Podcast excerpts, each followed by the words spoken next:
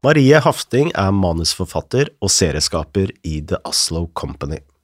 Hun er nå aktuell med serien Alt du elsker, som har premiere 17. februar på Discovery pluss.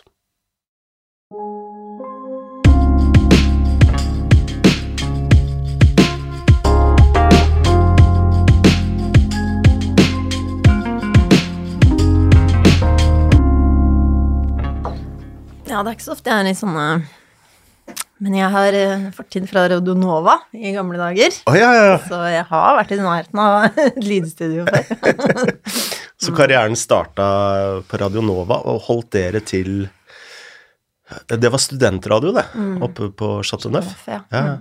Jeg var ikke med så lenge, men jeg var nok til at jeg fikk et innblikk i den verden. Jeg flyttet til Trondheim og studerte etter det, så derfor så ble det en kort karriere i Radio Nova, men det var gøy. Ja. Eh, Men studerte ikke du eh, eh, ved Universitetet i Oslo? Jo, det også. Ja. Jeg tok masteren i Oslo, men jeg tok bacheloren i Trondheim. Ok. Ja. Men er, er ikke det litt sånn unormalt, eh, altså når du går inn i TV-bransjen eller filmbransjen, at du Jeg har bare eh, tenkt at det er liksom filmskolen i Lillehammer som gjelder. Ja, det er det som er den vanligste veien. Ja. Men, eller ikke vanligste, det er egentlig 50-50. ja. Jeg, For jeg har aldri hørt om noen som har liksom eh, blitt eh, serieskaper eller regissør som har liksom tatt den utdannelsen gjennom universitetet. Nei, det er nok eh, De fleste har nok høyskole eller Westerdals og sånn. Mm.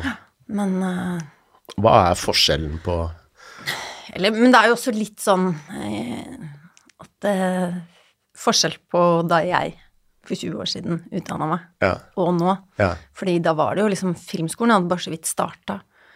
Og de hadde jo manuslinje, men jeg turte ikke søke i frykt for ikke komme inn, for da var jeg redd. Filmskolen, da snakker vi om Lillehammer, ikke Ja, sant? Ja. og da var det jo ikke noe Westerdals. Nei, for den ble starta i etterkant av OL i 94. For de holdt i de gamle ja, Ja, det kan nok sikkert stemme. Ja, for de holdt i gamle OL-brakkene, Ja. hva man får med seg. ja. Nei, men det har du helt sikkert rett i. Ja. Men hva var liksom forskjellen fra når du øh, studerte på, på universitetet og si filmskolen, da? Eh, eller altså, man får jo en forskjellig utdannelse, så jeg måtte jo liksom lære det å skrive eh, I hvert fall for en eh, TV, gjennom å jobbe. Ja. Uh, og det er det jo mange andre som har. ikke sant? Noen har standup-bakgrunn, noen altså skuespillerbakgrunn. er forskjellige veier inn til det å skrive. Men da så var det jo også sånn Ja, det var liksom bare filmskolen, og så var Serie-Norge veldig lite. Ja. Det var bare NRK som lagde drama. TV 2 lagde en krim én gang i året. Mm. Og TV Norge lagde en humorserie hvert tredje år. Sånn var det da. ja. Så du gikk egentlig inn i utdannelsen din med egentlig null forhåpninger om å få deg en jobb? Ja, altså, ja, det var i hvert fall ikke med noe jobb i sikte. Men da var det jo liksom teater jeg drev med først, da. Og så uh, merket jeg at det, det var gøyere å gå over til TV. Ja, for det er jo en ganske lang vei fra teater til ditt første store oppdrag som manusforfatter, og det var Hotell Cæsar, hvis jeg har forstått det riktig? Ja, for jeg begynte jo eh, hos Hotell Cæsar og skrev liksom episoder og sånn. Og der er det en veldig stor manusavdeling. Så liksom jobber man seg opp et Eller jobber der, lærer mer. Og så fikk jeg til slutt Eller så gjorde jeg det i noen år, og så gjorde jeg litt andre ting, og så ble jeg spurt om å ta over som sjef for manusavdelingen, da. Mm. Og da ja, være innholdsprodusent for serien, på en måte. Når du må liksom eh, Altså, eh, jeg har jo bakgrunn som eh, musiker på 90-tallet. Jeg var jo ikke musiker, men jeg spilte i band, og så ja. Tjente litt penger, sånn halvparten til husleie, liksom. Men eh, da var det veldig sånn at eh, de som spilte i danseband, de var de beste musikerne. Altså, det er greit at du hørte på kredibel musikk og sånn, men eh, hadde du en gig i et danseband, da blei du skikkelig god, for da var du ute på veien hele tiden og spilte hele tiden. Er det sånn med å jobbe i en sånn produksjon som Hotell Cæsar òg, hvor du bare må skrive Du må levere fredag hver, da, hver dag? Ja, Eller hver uke? Absolutt, tenker jeg. Fordi at eh, den mengdetreningen som du får der du, Det er mange barnesykdommer du på en måte I det systemet så lærer du eh, ganske mange forskjellige ting. Og blant annet kommer man fort over de barnesykdommene som kanskje man når man skriver, da, eh, og, eh, og også liksom det der å konstruere en hel serie og sånne ting, da, som eh, man ikke, ikke er like lett å få samme mengdetrening og erfaring med andre Mm. steder, da. Åssen barnesykdommer snakker vi om da? Nei, det kan være sånn Ikke sant. Hvis du vet at eh, Hvis du lager en film eller serie som liksom Du vet at eh, hun kommer til å flytte fra Oslo. Fordi, ok, serien skal foregå på en øy ute i havgapet. Ja. Så er det liksom Ok, skal man liksom lage mange episoder, mange hendelser som peker på at hun skal flytte, som ikke virker så overbevisende på at hun flytter, eller skal man bare hoppe Altså, det er noe med liksom oppbyggingen, da. Ja. Som av og til kan man føle at åh, nå bare gir de den karakteren den og den motstand for at hun skal flytte dit, og det kan liksom eh, oppleves litt grunt for seerne. Og da fins det andre triks man kan gjøre for at eh, ja. Jeg minner meg om eh, når jeg starta fotballmagasinet Jossimar i 2009. Så fikk jeg hav av eh, nye vordende skribenter som ville skrive for bladet. Mm. Og det som slo meg, var at alle de som ikke hadde journalistbakgrunn eller skribentbakgrunn, da, de brukte liksom første halvdel av teksten bare for å beskrive settingen, da. Og det var sånn typisk Det var 1972, Led Zeppelin toppet uh, hitlistene. Ja, men det er ofte det du kan stryke i inngangen og utgangen av scenen, Ja. eller teksten. Man skriver seg litt inn i det. Går rett på avslutningen. Eller i hvert fall ikke liksom Ja, ofte man kan stryke litt. Eh, Det har jo vært eh, en god uke for eh, norsk film med, med, med Oscar-nominasjoner til Emil Fugt og, og Trier. Men, men eh, i, han gjorde et intervju med Trier, altså, gjorde et intervju med NRK hvor han sa at eh, vi må slutte å, å bre pengene så bredt ut på regissørene, men også satse litt på eliten. At det var veldig mange som fikk eh, lage én film, og så hørte du aldri noe mer eh, fra dem. At eh, dette med mengdetrening er helt essensielt, da. Følger du den eh, analogien, eller? Absolutt. Nå jobber jo jeg mest med serier, så eh, Ja, så det er jo forskjell på hvordan man opplever, opplever å jobbe innen TV-serieverden og filmverden. Men det er jo absolutt et poeng at det er veldig fint å få At mange får prøve seg og lage filmer, men det er også viktig at noen At eh, man får lage mer enn én. Ja. Mm. Men uten at jeg har noe sånn kunnskap til den pengefordelingen og hvordan det oppleves, eller hvordan det egentlig er. Føler du at eh, du egentlig debuterer nå? Nei, det føler jeg ikke. Men um, det er første gang at jeg mm, har øhm, gjør et prosjekt uh, i, hvor mm, jeg er den eneste som har ja, både skrevet og skapt universet i den, i den grad, da. Fordi ofte har jeg jobbet i skriverom, og da har man flere som skaper det sammen. Og denne gangen så har det meste av det ligget på meg, da. Mm. Men du er såkalt serieskaper. Hva er på en måte forskjellen på en serieskaper og en ø, regissør? Serieskaper kan være både en, en regissør og en manusforfatter. Serieskaper er på en måte den som um, Ja, hva skal man si uh, Har uh, en Ja, som er bærer av prosjektet, da. Eh, på Den som har, er liksom ø, lyspæra over Ja. hodet? Ja, den første beveger på et eller annet vis, da. Ja. Og sånn eh, Og i TV-serieverdenen så er det jo oftere at det er en manusforfatter, fordi at man da kanskje har flere regissører på prosjektet og sånn. Eh, mens i film så er det jo ofte at det er regissøren som på en måte er ikke serieskaperen, da, men da kreatøren, da. Mens eh, her sånn så er det jo det at det, mm, Hvilken historie man skal fortelle den, hvordan man skal fortelle den, det den, og den innsikten som må til for å skape det, det er det jeg som sitter på, da. Mm. Hvor lenge siden er du liksom fra du fikk ideen om denne serien til den liksom kom ut uh, Altså du fikk et go, da? Eller altså, det, ideen kom uh, høsten 19. Uh, og så fikk vi ja fra Kanal høsten 20.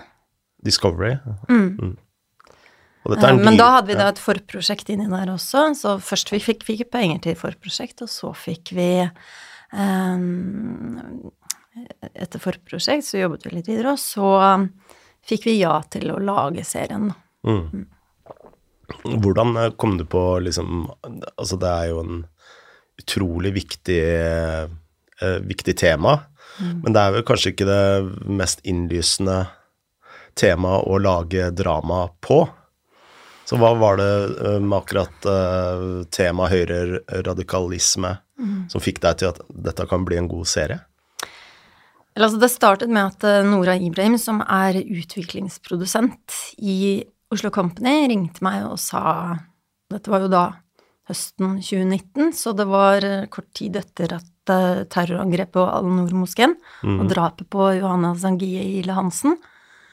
Eh, og da eh, ringte hun meg, og så sa hun hva er det som gjør at uh, unge gutter, norske gutter med alle muligheter i livet, uh, velger å begå en terrorhandling. Og så snakket vi om det. Og så snakket vi om at uh, hva om en jente forelsker seg i en gutt, og så skjønner hun etter hvert at han er høyreekstremist, da. Mm. Så disse tingene snakket vi om, og så snakket vi om at um, hvis, man liksom, hvis man skal lage en serie med tematikken høyreekstremisme og radikalisering, så uh, så må vi fortelle noe sant om det. Uh, så da vil vi gjøre det på en grundig og ordentlig måte. Og så må vi gjøre det så det blir litt gøy, og at man har lyst til å se på det, for det er jo et tungt tema, liksom. Mm. Så må det må være noe livsbejaende i den serien. Um, for vi skal jo ikke lage noe dokumentar heller, altså vi skal jo lage en serie som folk kan uh, Og noen karakterer som folk kan bry seg om um, og engasjere seg i. Så derfor var liksom det der med uh, den kjærlighetshistorien og liksom det livsbejaende uh, i den viktig, da. Mm. Eh, sammen med da radikaliseringen. Mm. Så det var Philip eh, Manshaus som egentlig starta det hele? Eh, det var i hvert fall Jeg tror, ikke sant, sånn som i Norge da, mm. så fikk jo Jeg tror alle fikk litt sånn sjokk. Fordi vi trodde ikke etter 22. juli, så tror jeg ikke vi tenkte at noe sånt kunne skje hos oss igjen. Og likevel så ble liksom diskusjonen i offentligheten eh, mer og mer polariserende, og liksom eh, hat mot muslimer og andre minoriteter vokste, liksom. Så mm. hvordan var det offentlige ordskiftet eh, rundt 2010, og når vi kom til 2019, 1819, var jo veldig forskjellig. Og så hadde, var det jo liksom eh, I mars-april 2019, jeg tror det var mars, så var det det terrorangrepet på New Zealand uh, mot to moskeer, hvor 55 mennesker ble drept, eller om det var 54. Um, og uh, den terroristen skrev et manifest som uh, utløste en, et ras av terrorhendelser. Mm. som en sånn for det eh, terrorangrepet der ble jo filma av ja, eh, Det ble streama. Ja, med GoPro-kamera. På, på 8chan? Uh, eh, ja, det var på 8chan. Ja. Mm.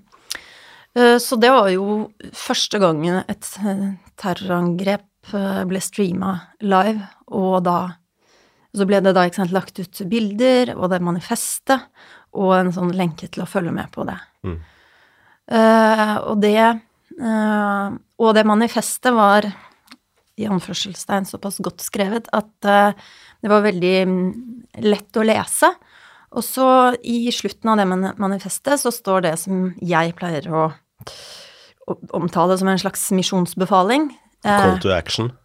Riktig. Mm. Som uh, oppfordrer da andre til å eh, ta til våpen og bidra til å da akselerere eh, sånn eh, For de har jo en formening om at det er en rasekrig, Mm. kommende rasekrig, som da skal akselereres ved at man, man kommer dit fortere, ved at man da bidrar til den polariseringen og splittelsen og ødeleggelsen. Mm.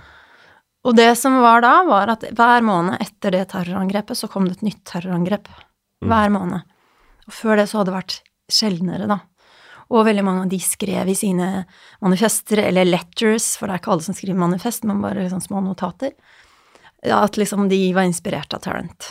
Og i den rekken så Tarrant. Som var den eh, terroristen, da. Ja. New Zealand-terroristen. De var inspirert av han. Og i den rekken så kom da Philip Manshaus i august. Så han var mm, bare en av mange. Ja. Mm. Så mm. Så du, eh, eller dere, begynte da å, å eh, rett og slett dyppe dykt ned i et eh, kaninhull? Ja. Og hva, hva fant dere der? Ja, det var mørkt. det var ikke Ja, nei, det var mørkt. Vi starta jo liksom å snakke med sånn forskere og journalister og sånn. Eh, og, og vi liksom visste jo i utgangspunktet først bare at ok, vi skal finne ut hva som gjør at unge gutter radikaliseres. Og så møtte vi jo Lasse Josefsen, som er en journalist. En klok og eh, smart fyr som følger med på disse forumene Eh, om hvor gutter radikaliseres. Og da eh, skjønte vi at det er her eh, det er, det er her vi må lete etter vår karakter, da. Mm. Ikke at vi skal plukke han ut fra det nettet, men det er jo viktig, det er den verden han er i eller forholder seg til, da. Det er der han blir radikalisert, for det er der uh, unge gutter i dag blir radikalisert. Det er en subkultur på nettet hvor eh, de boltrer seg og leker seg, og det starter kanskje For mange så er det mer en sånn eh, safe space hvor du kan komme med politisk ukorrekte meninger, humoristiske memes, kødd, som også er litt sant. Og jo mer tid du bruker på dette nettet Det er jo mange som liksom har sagt at det, første gang de er der, så får de liksom sjokk av hva de ser.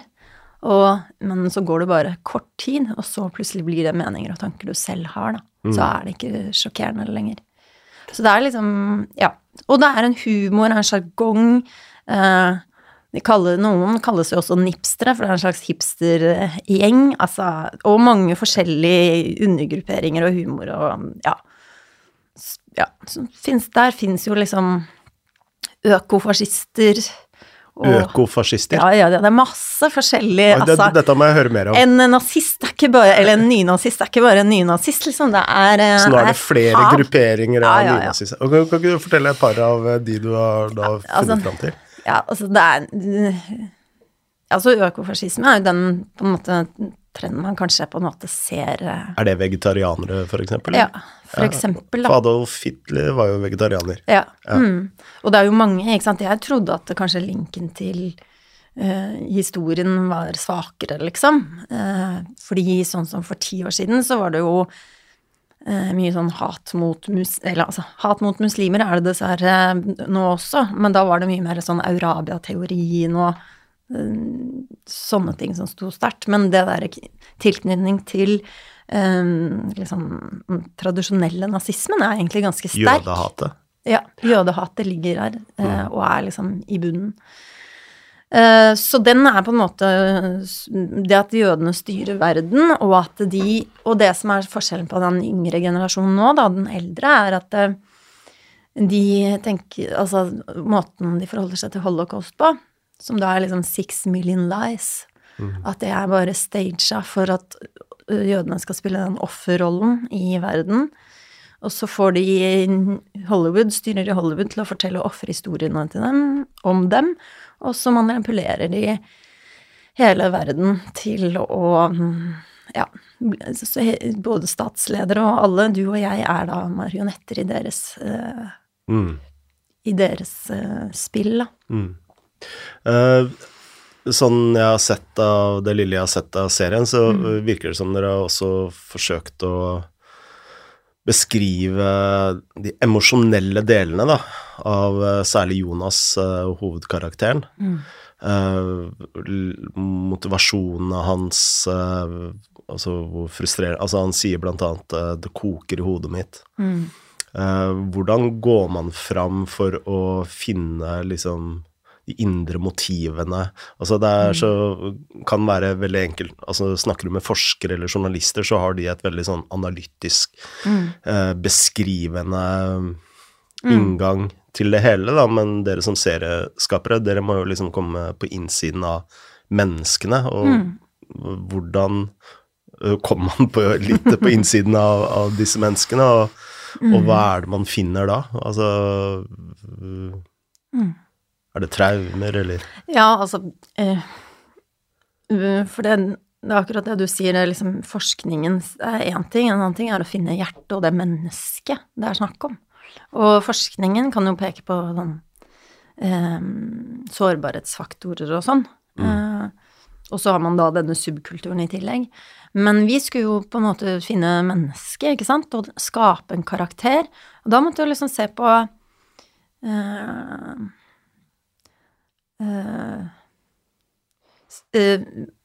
hvilke Altså på en måte se liksom hva er hans historie gjennom livet, liksom. Dikte den. Uh, som også handler om det å prøve å finne sin plass og få bekreftelse på den man er, og hvilke karaktertrekk han har. Og så er det det at når man radikaliseres, da, mm. sånn som Så er det og du liksom begynner å grave og skal se verden med et nytt blikk. Det er at liksom vi blir holdt uh, Altså, den verden er en løgn, slik du uh, har blitt lært å se den. Mm. Det er en ganske sånn krevende øvelse. Å snu hele liksom verdensbildet ditt. Uh, som da er den radikaliseringen. Og det er mange biter som du må tenke på nytt. Altså, bare forholde deg til liksom Ja, hvordan mat kan du spise? det, altså, det er, det ja. det er mange ting, da. Og Eh, og hvordan du skal forholde deg til eh, samfunnet. Og for meg så minner jo det om sånn tankevirus og en sånn depresjon, egentlig, som han på en måte går inn i, fordi at det, det blir en sånn overtenking, og du skal prøve å få mange biter til å passe sammen. Og det er derfor du også ser også sånn at det, når høyreekstremister på en måte holder sine taler, så er det vanskelig for dem hvis de av, blir avbrutt eller stilt spørsmål, fordi at det, det er liksom noen logikklinjer som um, på, i deres hode henger sammen. Men hvis man blir angrepet de fra andre vinkler, så kan det bli litt vanskelig.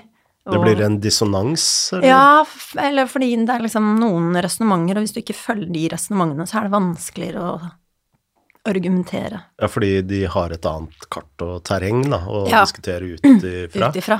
Og da er det jo mange premisser i utgangspunktet som må aksepteres, men som For å kunne gå videre med de resonnementene, da. Mm.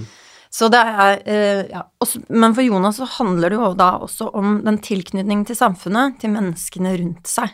Og det er jo det som ofte er liksom Når det skyter fart i radikalisering, er når man mister eh, tilknytning til samfunnet, som vil si jobb, skole, eh, og miste venner i ut, Altså som ikke er de eh, høyreekstreme vennene på nettet. Mm. Det er veldig sånn eh, radikaliserende faktorer, da. Sånn som nå under pandemien, hvor det er veldig mange barn og unge som mm. bare sitter for seg selv og har vært isolert. Er det en sånn trigger for å gå inn i sånne hull? Ja, det Eller jeg tenker jo at det, er skummelt på mm. mange måter. Mm. Det... Så, det, så, man kan ikke si noe sånn generelt med at uh, Fordi man snakker veldig mye om at det er hvite, unge menn, da. Mm. Og gjerne ressurssterke, men kanskje ikke ressurssterke allikevel. Mm. Uh, fra et sånt emosjonelt uh, ståsted. Så hva er det som liksom trigger dem til å liksom gå inn i de hullene, på en måte? Er det noen sånn fellesnevner Altså, det er, det er, så forskjellige mennesker. Ja, for det er ulike så det er, ja, alt. Mm. Uh, men Og så er det jo også forskjell på på en måte Ja, altså det er forskjellige mennesker og forskjellige ting som gjør at man liksom lar seg synke lenger ned, da. For noen er jo innom og flørter litt eller le, leker litt, men så går de et annet sted, da. Um, men ikke sant, for da har man på en måte de tradisjonelle tingene som handler om sårbarhet og sånn, og som handler om traume um, og utenforskap. Så de klassiske tingene ligger der. Men um, så er det jo også i dag at eh, rebellene, de som gjør opprør mm. eh, Da jeg var ungdom, så gikk de til venstresida, og nå går de til ytre høyre. Mm. Så hvis du vil liksom Så ytre høyre er den nye blitzeren? Ja. Mm. ja. Så det er, det er, egentlig de samme mekanismene, det, det har bare liksom tatt en annen retning. Mm. For jeg har tenkt uh, Altså når IS var på uh, framfart i Syria og mm. Irak, så slo det meg hvor veldig mange av de samme mekanismene som gjelder for høyreradikale nå, da, og tidligere, mm. er de samme. Ja. Uh, så det er gjerne unge menn mm. som sliter med det samme, og mm. utenforskap er jo en fellesnevner uh, akkurat her. Absolutt. Så det er jo de samme tingene som Altså det er de samme sårbarhetsfaktorene. Ja. Og så er det liksom Og sånn som IS, og de var jo veldig aktive på Instagram og lagde mye sånn propaganda som For propaganda er også det var sånn, Bruker jo også memes. Ja, altså Så man trodde jo at det første, liksom liksom Sånn som at den første livestreamen av voldshendelser ville komme fra IS, eh, eller ISIL og sånn, fordi de var jo veldig aktive på å vise, ta bilder av henrettelser osv., liksom. Mm. Men så tok da høyreekstremistene da deres uttrykksmåte eh, og brukte mediene, da. Mm. Så Hvorfor tror du det er så mange menn og ikke kvinner? Ja, det Altså, når man leser forskning på høyreekstremismen, så er det vel ofte i et kjønnsperspektiv. Så det er jo helt uten Altså, det er en, at kjønn spiller en viktig rolle, er helt um, klart. Nå er, finnes det jo høyreekstreme kvinner også. Mm. Um, men hvis man ser på uh, Og også når det gjelder IS og ja, de er kanskje oftere ideologene enn de som på en måte går ut og utfører terrorhandlinger. Men um, hvis, hvis, jeg skal snakke ut ifra de unge gutta som jeg på en måte har undersøkt, mm. og min oppfattelse, som da istedenfor å prøve å gjengi noen forskere som For du har snakka med veldig mange av disse gutta? Jeg har snakket med tidligere ekstremister. Ja. Eh, og så har jeg da vært på en del forum, og så har jeg også fått tilgang til Fordi det var et forum som ble stengt i 2017, uh, eh, og da var det noen uh, det var ikke så lenge etter drapet på en homofil jødisk gutt i USA.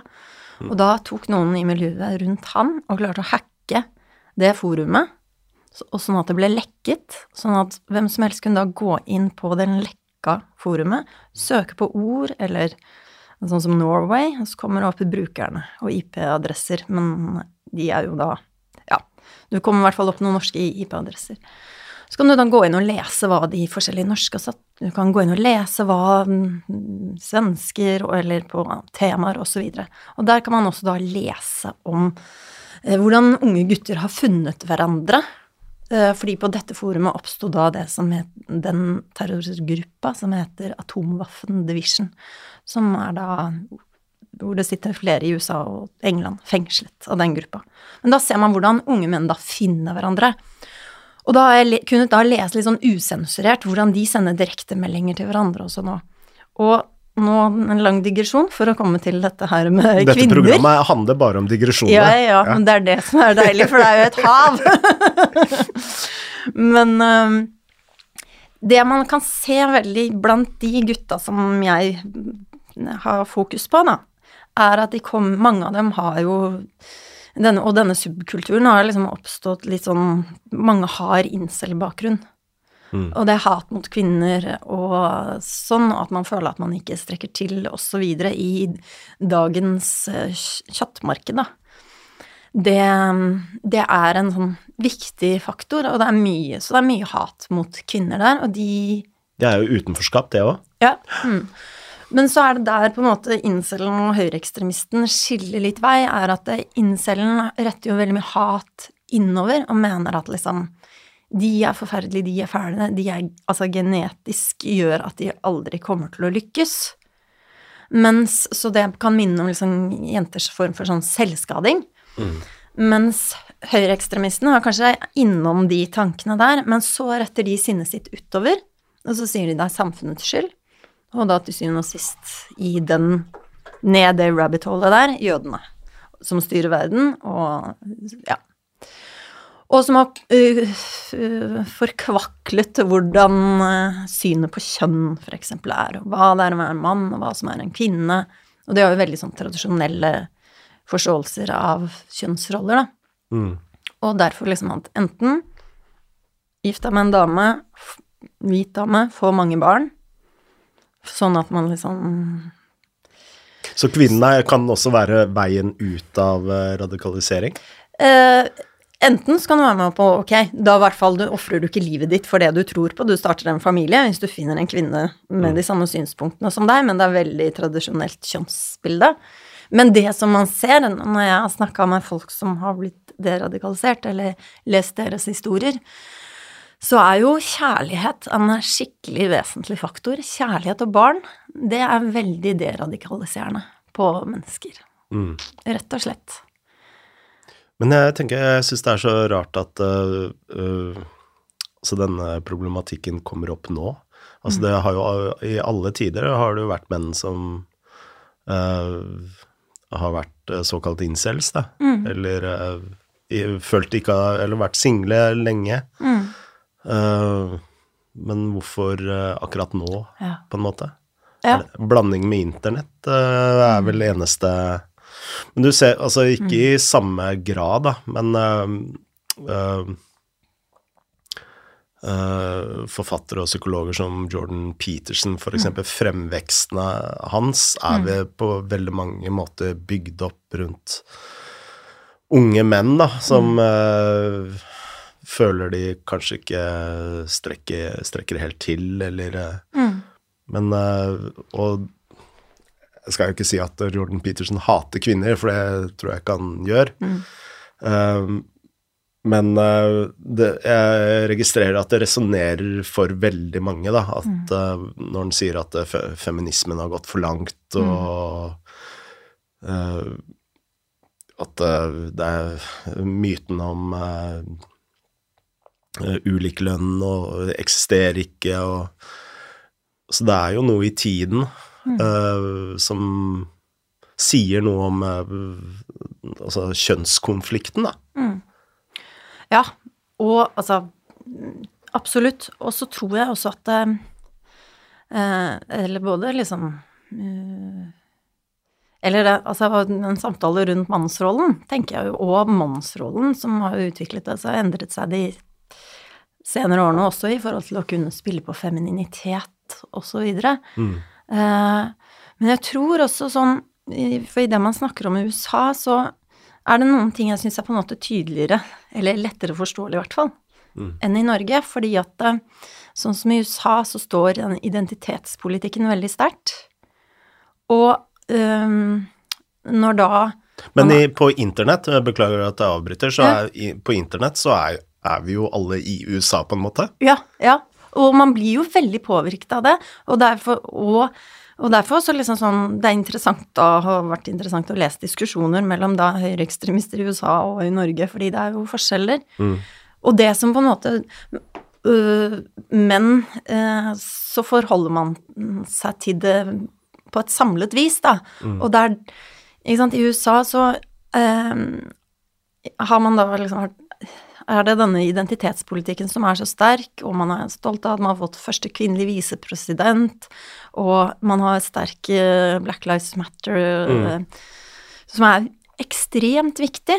Eh, men så er det jo det at når det da er mange hvite arbeiderklassegutter, eller ikke sant, sånn som Thomas Seltzer har snakket mye om, at liksom middelklassen i USA er blitt arbeiderklasse, og alle de uh, unge, frustrerte hvite mennene som hører at Nå bruker jeg mye anførselstegn i studio her, fordi man hører at man er liksom privilegerte. Ja.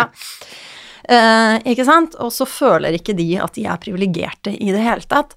Og så legger man skyld på eh, Så begynner man å bruke etnisitet som argument, Mm. mens det egentlig er klasse Mm. det handler om, da. Og det er også liksom Det er jo veldig vesentlig i USA, ikke like vesentlig her, men eh, det var jo også sånn eh, Jo Erling Jahr, som var en av de to som drepte Benjamin Hermansen, eh, han har jo gjort et intervju i etterkant, eh, for han har jo da liksom eh, Står overhodet ikke for det synet lenger, og han sa Nå skal ikke jeg med forbehold om at jeg Du parafraserer. Ikke- ja. Nettopp. Eh, så var det jo det at liksom Han hadde en tøff oppvekst, opplevde å ikke ble liksom sett og hørt, og at systemet svikta han. Og når han da uh, satt inne, så møtte han andre som var flyktninger, som også hadde samme opplevelse, at systemet hadde svikta dem. Mm. Uh, og det det er liksom Det er så mange uh, Ja. Jeg har ofte tenkt på det. Altså, jeg driver annet en fotballklubb eh, eh, på Tøyen, Grønland. Mm. Og det er jo en kjensgjerning at det, det er jo blant de fattigere bydelene i Norge. Og når jeg liksom trener barna eller ungdommene på juniorlaget og sånt, så eh, Det er så fascinerende. De kaller hverandre bror. 'Bror, kom her.' eh, ikke sant? Det er, eh, og det der samholdet der, det syns jeg er utrolig fint, da. Man snakker jo alltid om altså, hvor dårlig stilt det er, og altså Ja, de har lite penger, og det kan hende at vi må samle noen fotballsko og sånn, eh, og de har jo foreldre som sliter hardt, men det der samholdet deres eh, virker så ekte, og de holder rundt hverandre, koser hverandre, og det er eh, Sånn jeg ser det, da, backer hverandre veldig opp, da. Et veldig fint samhold.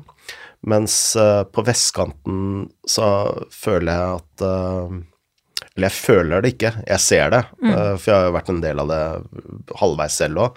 At det er mye hardere. At eh, havner du utenfor, så er du virkelig utenfor.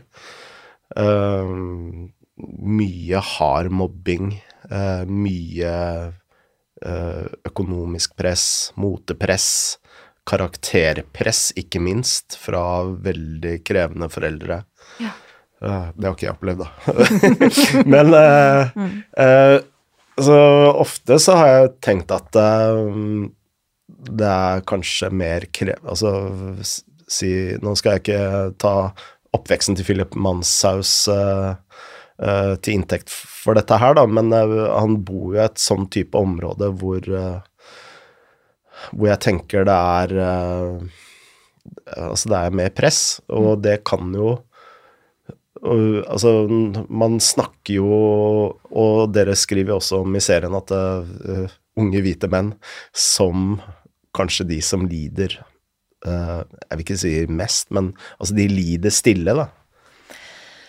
Ja, Ja, altså det, det er så vanskelig akkurat det der. fordi at eh, eh, jeg har jo ikke sant, både Breivik og Manshaus var jo fra vestkanten. Men hvis man ser på de som er høyreekstremister, så er ikke det liksom eh, to streker under det svaret. Nei, for det er jevnt like mange Sarpsborg og eh, Stavanger og ja. Mm. Så sånn sett. Men eh, eh, at, at eh, det finnes et sånt utenforskap på vestkanten som er ganske forskjellig fra eh, Ja, som i hvert fall jeg som ikke kan de kulturelle kodene på beste vest, eh, ikke nødvendigvis ser. Mm. det, det kan nok absolutt eh, være gjeldende. Men jeg tror også at eh, Ja, jeg tenker at det er At andre forklaringsmodeller kan være vel så Ja, så er Ja, er også inne i bildet, da. Mm. Men det er jo nettopp det at det er jo sjelden på en måte én forklaringsmodell. Det er ofte liksom flere elementer som spiller inn, da. Mm. Eh, du har jo laget denne serien sammen med Nora Ibrahim, og hun har jo laget en del serier, særlig på NRK tidligere, om Mm. er jo ikke samme tematikk, men eh, det er vel serien 17 og 18 blant annet, og så hadde hun den valgserien med uh, Ada Flaten, var det det hun heter? Uh, Faten, Eh, mener. Faten til valget, ja. ja. Ikke Mm, Flaten. ja. Flaten er en nei, annen. Ida Flaten og Ja. Faten. Det er noe helt annet. Eh, Mm. Ja. Hvordan har liksom deres eh, samarbeid eh, vært? Ja, det har vært eh, veldig fint. Det er jo eh, Er det første gangen dere jobber sammen? Ja, det er første gangen vi jobber sammen. Um, så eh, som manusforfatter, det å på en måte ha noen å spare med, og kunne liksom lufte ideer og tanker uh, med, er jo ekstremt viktig, i hvert fall for meg. Ja. Folk eh, er Manusforfattere er forskjellige, men jeg har veldig behov for det.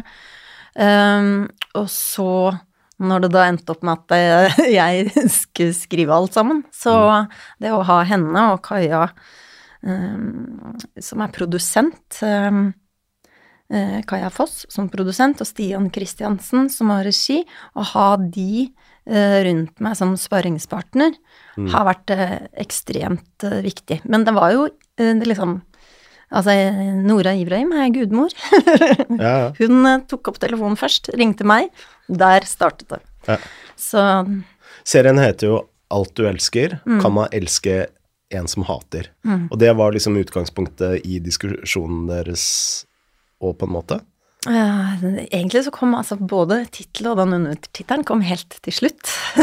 så Men kanskje tanken kom først? Ja, men altså tanken var jo kjærlighet og radikalisering. Mm. Og ja. Uh, og så ut fra det så på en måte lagde man da serien og innhold, og så eh, var det jeg og Nora i en samtale, en av mange samtaler, om titler som plutselig så var mye sånn Ja, ved mange forskjellige sidespor vi hadde i forhold til titler. Og så når vi da Alt du elsker dukka opp, så kjentes det som en god tittel. Fordi den på en måte handler jo både om liksom kjærlighet mellom de to, men ikke sant, sånn som høyreekstremister, hvor eh, rart det enn høres ut for deg og meg, så mener jo det at det er av kjærlighet til sitt land, til sitt folk. At det er en, kjær en kjærlighetshandling, da. Um, Men også når man skal lage en sånn uh, serie, hvordan, uh, for oss som aldri har vært på et sett, eller mm. uh, som bare setter på Netflix eller Discovery i dette tilfellet, da. 79 kroner i måneden, hvis Ja. du vil se. Ja. Eh, hvordan går man fram, hvordan starter man, og hvordan slutter man, på en måte? For jeg har forstått det sånn at dere har jo filma helt uh, til nå siste, omtrent. Ja, altså vi hadde opptak fra august til oktober, og så klipping og lyd og musikk etter det, og så klart til det ble levert. Siste episode ble levert eh, denne uka her. Ja, fordi jeg har en trodd at man prosess. sitter og klipper nesten Ja. et år, jeg, men uh... Ja da, det, mange gjør det òg. vi uh, Altså fordi at vi som har gått Hotell Cæsar-skolen Gjør det litt fortere. Ja. Nei men det, det kommer litt an på sendeskjema og sånn, og hva, hvordan det Ja, hvorvidt ting lar seg løse. Um, Det som ofte er frustrerende når man jobber med TV-serier, er at det tar seg himla lang tid. Og denne prosessen har faktisk gått ganske fort, fordi det da er to og et halvt år fra idé til den kommer på skjerm. Så det er fort i TV-serieverden, da. For da starter du liksom med en sånn utviklingsperiode, da. Mm. den gjorde jeg sammen med en regissør som heter Erika Kalmeier. Det var oss to og Nora Ibrahim som hadde det utviklingsprosjektet. Når det var ferdig og levert, og vi ventet på Da liksom gjør man en del research og lager noen skisser på hvordan sesongen kan se ut, og så skriver man to episoder i manusform. Og så leverer man det, og så venter man på at kanalen skal bestemme seg om de men, vil men eh, gjøre da, dette da eller ikke. Da er hele storylinen egentlig klar. Ja, men den sånn man- endres etter hvert, vet du. Den gjør det, Ja, ja, fordi at det, ikke sant, det er jo Det er ikke matte. Dette er ikke sånn fasitsvar. Så, så hvis du eksempel eh, ene skuespilleren begynner, forslakker seg, for eksempel, da. Mm. Og så øh, ser dere på hverandre Dette var jo veldig bra. Dette, sånn er det jo i musikkverdenen.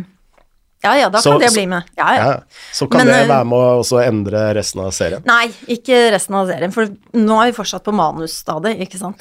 Sånn at eh, det er liksom den aller første prosessen, at man på en måte bare lager en historie, to manus, leverer det, kanalen sier tenker, og så sier de ja eller nei. Så har jo alle, eller alle, oss tre da, i dette tilfellet, hatt andre jobber innimellom, og så får vi ja, og da er det bare samles i samling i bånn. Ja, ja. hvem, hvem kan være med videre? Ja. Og Erika kunne da, Erika Kalmeier kunne da ikke være med videre. Det, jeg og Nora som ble stående ved roret og jobbet videre, og bearbeidet da sesongen en gang til. Mm. Fordi man har blitt klokere, man har fått noen nye innspill, man vil justere litt, man, ja. Så man, den prosessen fortsetter. Men da fortsetter på en måte skrivearbeidet med å justere sesongen, og også skrive nye manus for alle episodene. Mm. Samtidig begynner man da å caste. får For en castingagent, se på castingteiper, regissør Stian Christiansen kommer inn i bildet, eh, og begynner sine forberedende prosesser, ansetter fotografer osv. Og, så parallelt så sitter jeg da og skriver ut disse manusene. Mm. Så da har man på en måte en sånn pre- preprod-periode som da vi hadde begynt på liksom ja, Eller altså, vi fikk det ja på høsten, da, så til sommeren så var alt klart, og så gikk vi i opptak i august. Og da var det da 42 dager med opptak. Men da er det meste satt, eller? Ja, da er, det, da er historien og alt lagt, og så kan det jo hende at de på sett eh, de spiller inn liksom manus og sånn, men så hender det jo at de liksom improviserer litt rundt det og sånn, og så kanskje man får noe annet gullkorn også. Mm. Men da er det liksom alle scener, alle bilder og liksom hvordan vi skal fortelle historien, alt er nøye planlagt. Mm. Det er jo mange folk på jobb på sett, vet du. Det er jo en stort uh, maskineri. Hvor mange er det som har jobba på denne serien her? Det har jeg faktisk planer om å telle opp. Men, eh, og dette er faktisk et sånn lite crew, men likevel så er det jo kjempemange. For det er jo Ja. Snakker vi om 100, eller? Nei, ja, hvis du tar med statister og sånn, så er det jo det. Men kanskje på jobb hver dag. eh, Kommer an på hvor stor scene det er, da, men mellom 20 og 30, da. Mm. Eh, veldig ofte Nå er jo ikke dette en dokumentar, da, men uh, si eh, uh, en film som Kon-Tiki, da, for eksempel, som fikk mye kritikk fordi de måtte endre noe med den opprinnelige historien for å gjøre den mer dramaverdig, og du sa at dere skal forsøke å si noe eh, som er sant. Eh, har dere måttet gjøre noen kompromisser på liksom, det som er sant, da, for å få det til å passe bedre inn i en, en uh, dramahistorie? Nei, det syns jeg ikke. Eller det tenker jeg ikke. Nei. Men eh, eh, i slutten av sesongen så er det jo uh, Så kommer PST inn i denne serien her. Og da eh, var det viktig for meg å ikke liksom låse historien før jeg hadde snakket med PST. Så vi hadde eh, Først tok vi kontakt med PST og hadde liksom et par Skype-møter. Og så rigga de i stand til at eh, jeg og manusassistenten min da kunne møte et team som besto av liksom forskjellige folk som jobber eh, med, eh, ja, med denne tematikken hos dem. Eh, alt fra liksom de som analyserer når beskjeder kommer Altså sånn Ja, eh, hva er det heter? Tips kommer inn. Mm. Og til de som drar ut Lyttertips. Vi har en høyreekstrem her Ja. med bazooka. Men hver gang de får inn bekymringsmeldinger, og, og liksom og, og også de gutta som drar og møter og oppsøker folk som ekstremister. Så det var liksom et team hos dem. Og så fortalte jeg om Jonas-karakteren og om historien, og liksom diskuterte et punkt i historien med dem. Hørte hvordan ville de reagert hvis de fikk vite sånn og sånn. Og jeg liksom fikk et innblikk i de, hvilke rutiner de har, og hvordan de håndterer det, da. Mm. Og da ble de scenene da skrevet om etter sånt som eh, Men da diskuterte vi liksom ok, hvis jeg gjør sånn i manus, da må det skje. Hvis jeg gjør sånn i manus, da er det skje. Mm. Så sånn, så er det den veien. Så hadde Så dere liksom tok eh, rett og slett konsekvensen av hva som var sant? Ja, fordi at eh, vi vil jo på en måte prøve å fortelle noe sant her, og mine opplevelser av, eh, avhørsscener, eksempel, de er jo bare farget av det jeg har sett på TV. Jeg har ikke vært i avhør selv. Nei. Jeg vet ikke hvordan det er. Så da var det viktig, og da fikk vi også sånn møte en fyr som da har, er den som tar avhørene og satt inn i et avhørsrom. Og liksom Ja, det er sånn det ser ut, ja. Og så er det jo noen ting i serien som da, ikke sant, av, avhørsrommet har hvite vegger, vi har blå vegger, fordi det er finere filmatisk. Men selve innholdet, hvordan man forholder seg og snakker, og hvordan de uh, Ja, det jeg, Altså, det har i hvert fall eh, fått et slags godkjent stempel. Jeg tror man skal overleve blå vegger. Ja. Det er fordi Det er jo, ikke sant, og Men vannkarafelen er lik. Mm. Kan du avsløre Ja, og hvis du hadde vært på Dagsnytt 18, så måtte du jo ha denne plastmugga med blå, blå fisker. Jeg vet ikke om du har sett den? Den er legendarisk. På Dagsnytt 18. Dagsnytt 18, ja. Ja, ja. Eh, Men mm. kan du avsløre hvordan en avhørsscene har endra seg? Altså hvordan var den opprinnelig, på en måte? Altså, det, ja, det er jo liksom eh, Det er et godt spørsmål. Men du kan si at det, før man på en måte møter menneskene, så skriver man kanskje litt sånn eh, Da har ikke jeg noen sånn føling med hvordan de folka er. Nei. Altså de etterforskerne eller eh, de gutta som For jeg møtte også da et team på et tidspunkt, og så er de som drar ut og oppsøker folk. Og da har du ikke noen formening om hvordan de oppfører seg. Er de liksom Ja. Men når du har møtt det mennesket, så har du liksom en sånn menneskelighet. Du skjønner liksom ja, de ser at han er litt lei seg. Ok, bare ta deg to minutter og samle deg, liksom. Det hadde jo ikke jeg funnet Altså, det at den empatien liksom oppleve det mennesket, liksom. Nei. Og det er egentlig litt tilbake til det du stilte meg spørsmål om i stad, men som jeg både aldri svarte på, for jeg gikk til noen andre digresjoner. Men det mennesket Jonas, da. Den første gangen jeg møtte en tidligere høyreekstremist, så hadde jo jeg masse fordommer, ikke sant. Og så møter jeg han, og så er han en skikkelig fin fyr. Og et uh, varmt menneske. Jeg kunne liksom ikke se noe hat eller vold i han overhodet. Og reflektert, og det, og liksom den unnskyldrunden han har tatt i sitt liv, det oppgjøret han har tatt, og så liksom gikk vi opp til Høyblokka. For jeg har kontor rett ved regjeringskvartalet, så jeg ser jo opp på den høyblokka som driver og bygges, og så går vi opp dit, og så står vi foran det minnesmerket som er der, og for liksom ja, under et år siden så hadde han de samme tankene. Det var jo ekstremt sterkt. Under det- et år siden. ja, men det møtet med han, da, det var sånn avgjørende for meg for å liksom kunne skape en karakter som jeg liksom hadde hjerte for, da. Fordi at da hadde jeg møtt en som har hatt de holdningene, som er et fint menneske. Og det er noe med akkurat det derre Finne de menneskene, da, sånn at man bare ikke portretterer litt sånn distansert en eller annen karakter Et eller annet sånn En type, da. For det hadde vært typisk å, å frem, frem Eller beskrive ham som ond, da. Ja. Det hadde vært øh, kanskje det vanlige. Ja, og det er det på en måte å For denne serien her er jo ikke en sånn actionserie med good guy, bad guy, liksom. Og han er ikke en sånn klassisk eh, skurk man heier på. man, han er et vanlig menneske med sine positive og negative sider, og vi møter eh, Ja. Og så ser man på en måte hvordan han på en måte spenner litt bein på seg sjæl eh, her i livet. Og så heier man på kjærligheten, og så ser man at det fins noe ideologi som står i veien for den, da. Kona mi sa etter å ha sett traileren at øh, hun så et snev av skam Ja. i serien. Hva tenker du om det? Altså serien Skam. Serien Skam, ja. Ja.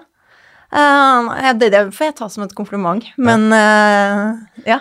Nei, Du, jeg- du ser ikke den selv? Nei, men jeg har jo sett meg helt blind på den serien, på en måte. Så Eller mm, på min egen serie. Så. Apropos det med avhørsscener, så minner det meg om eh, boka Black Banners. Har du hørt om den? Mm, det kan godt hende, men en, det ringer ingen bjeller. Nei, det er en FBI-agent som heter Ali Sofan, eh, som eh, eh, skrev om opptakten til uh, 9-11.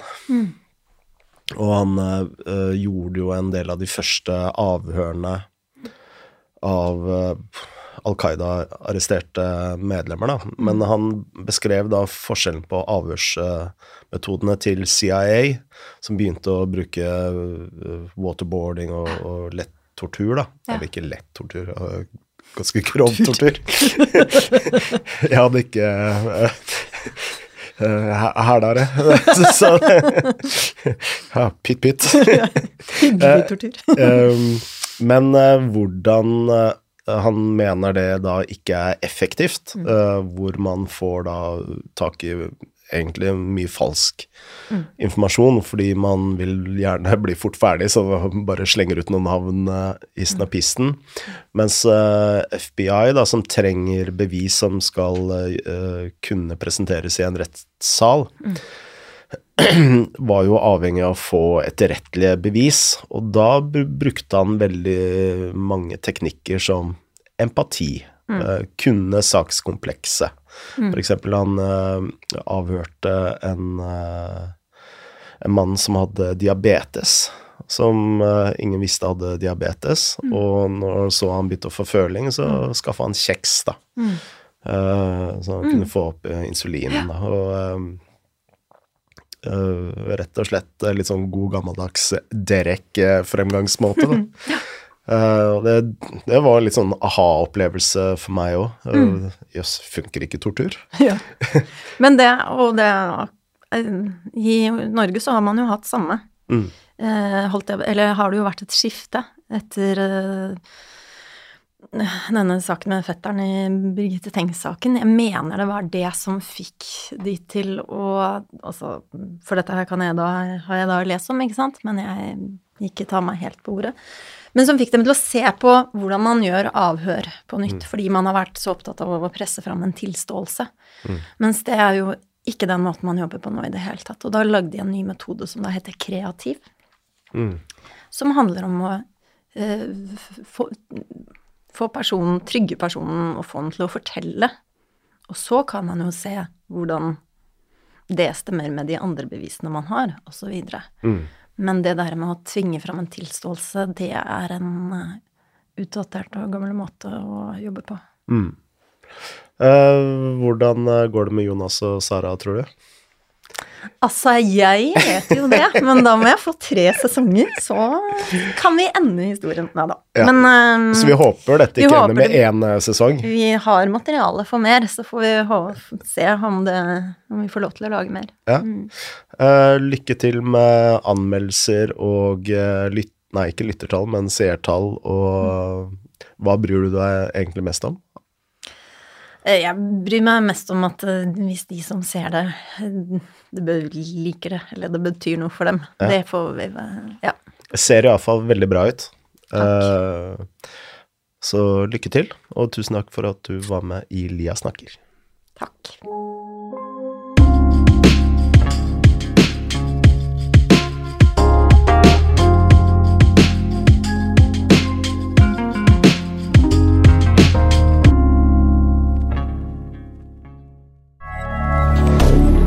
Moderne media.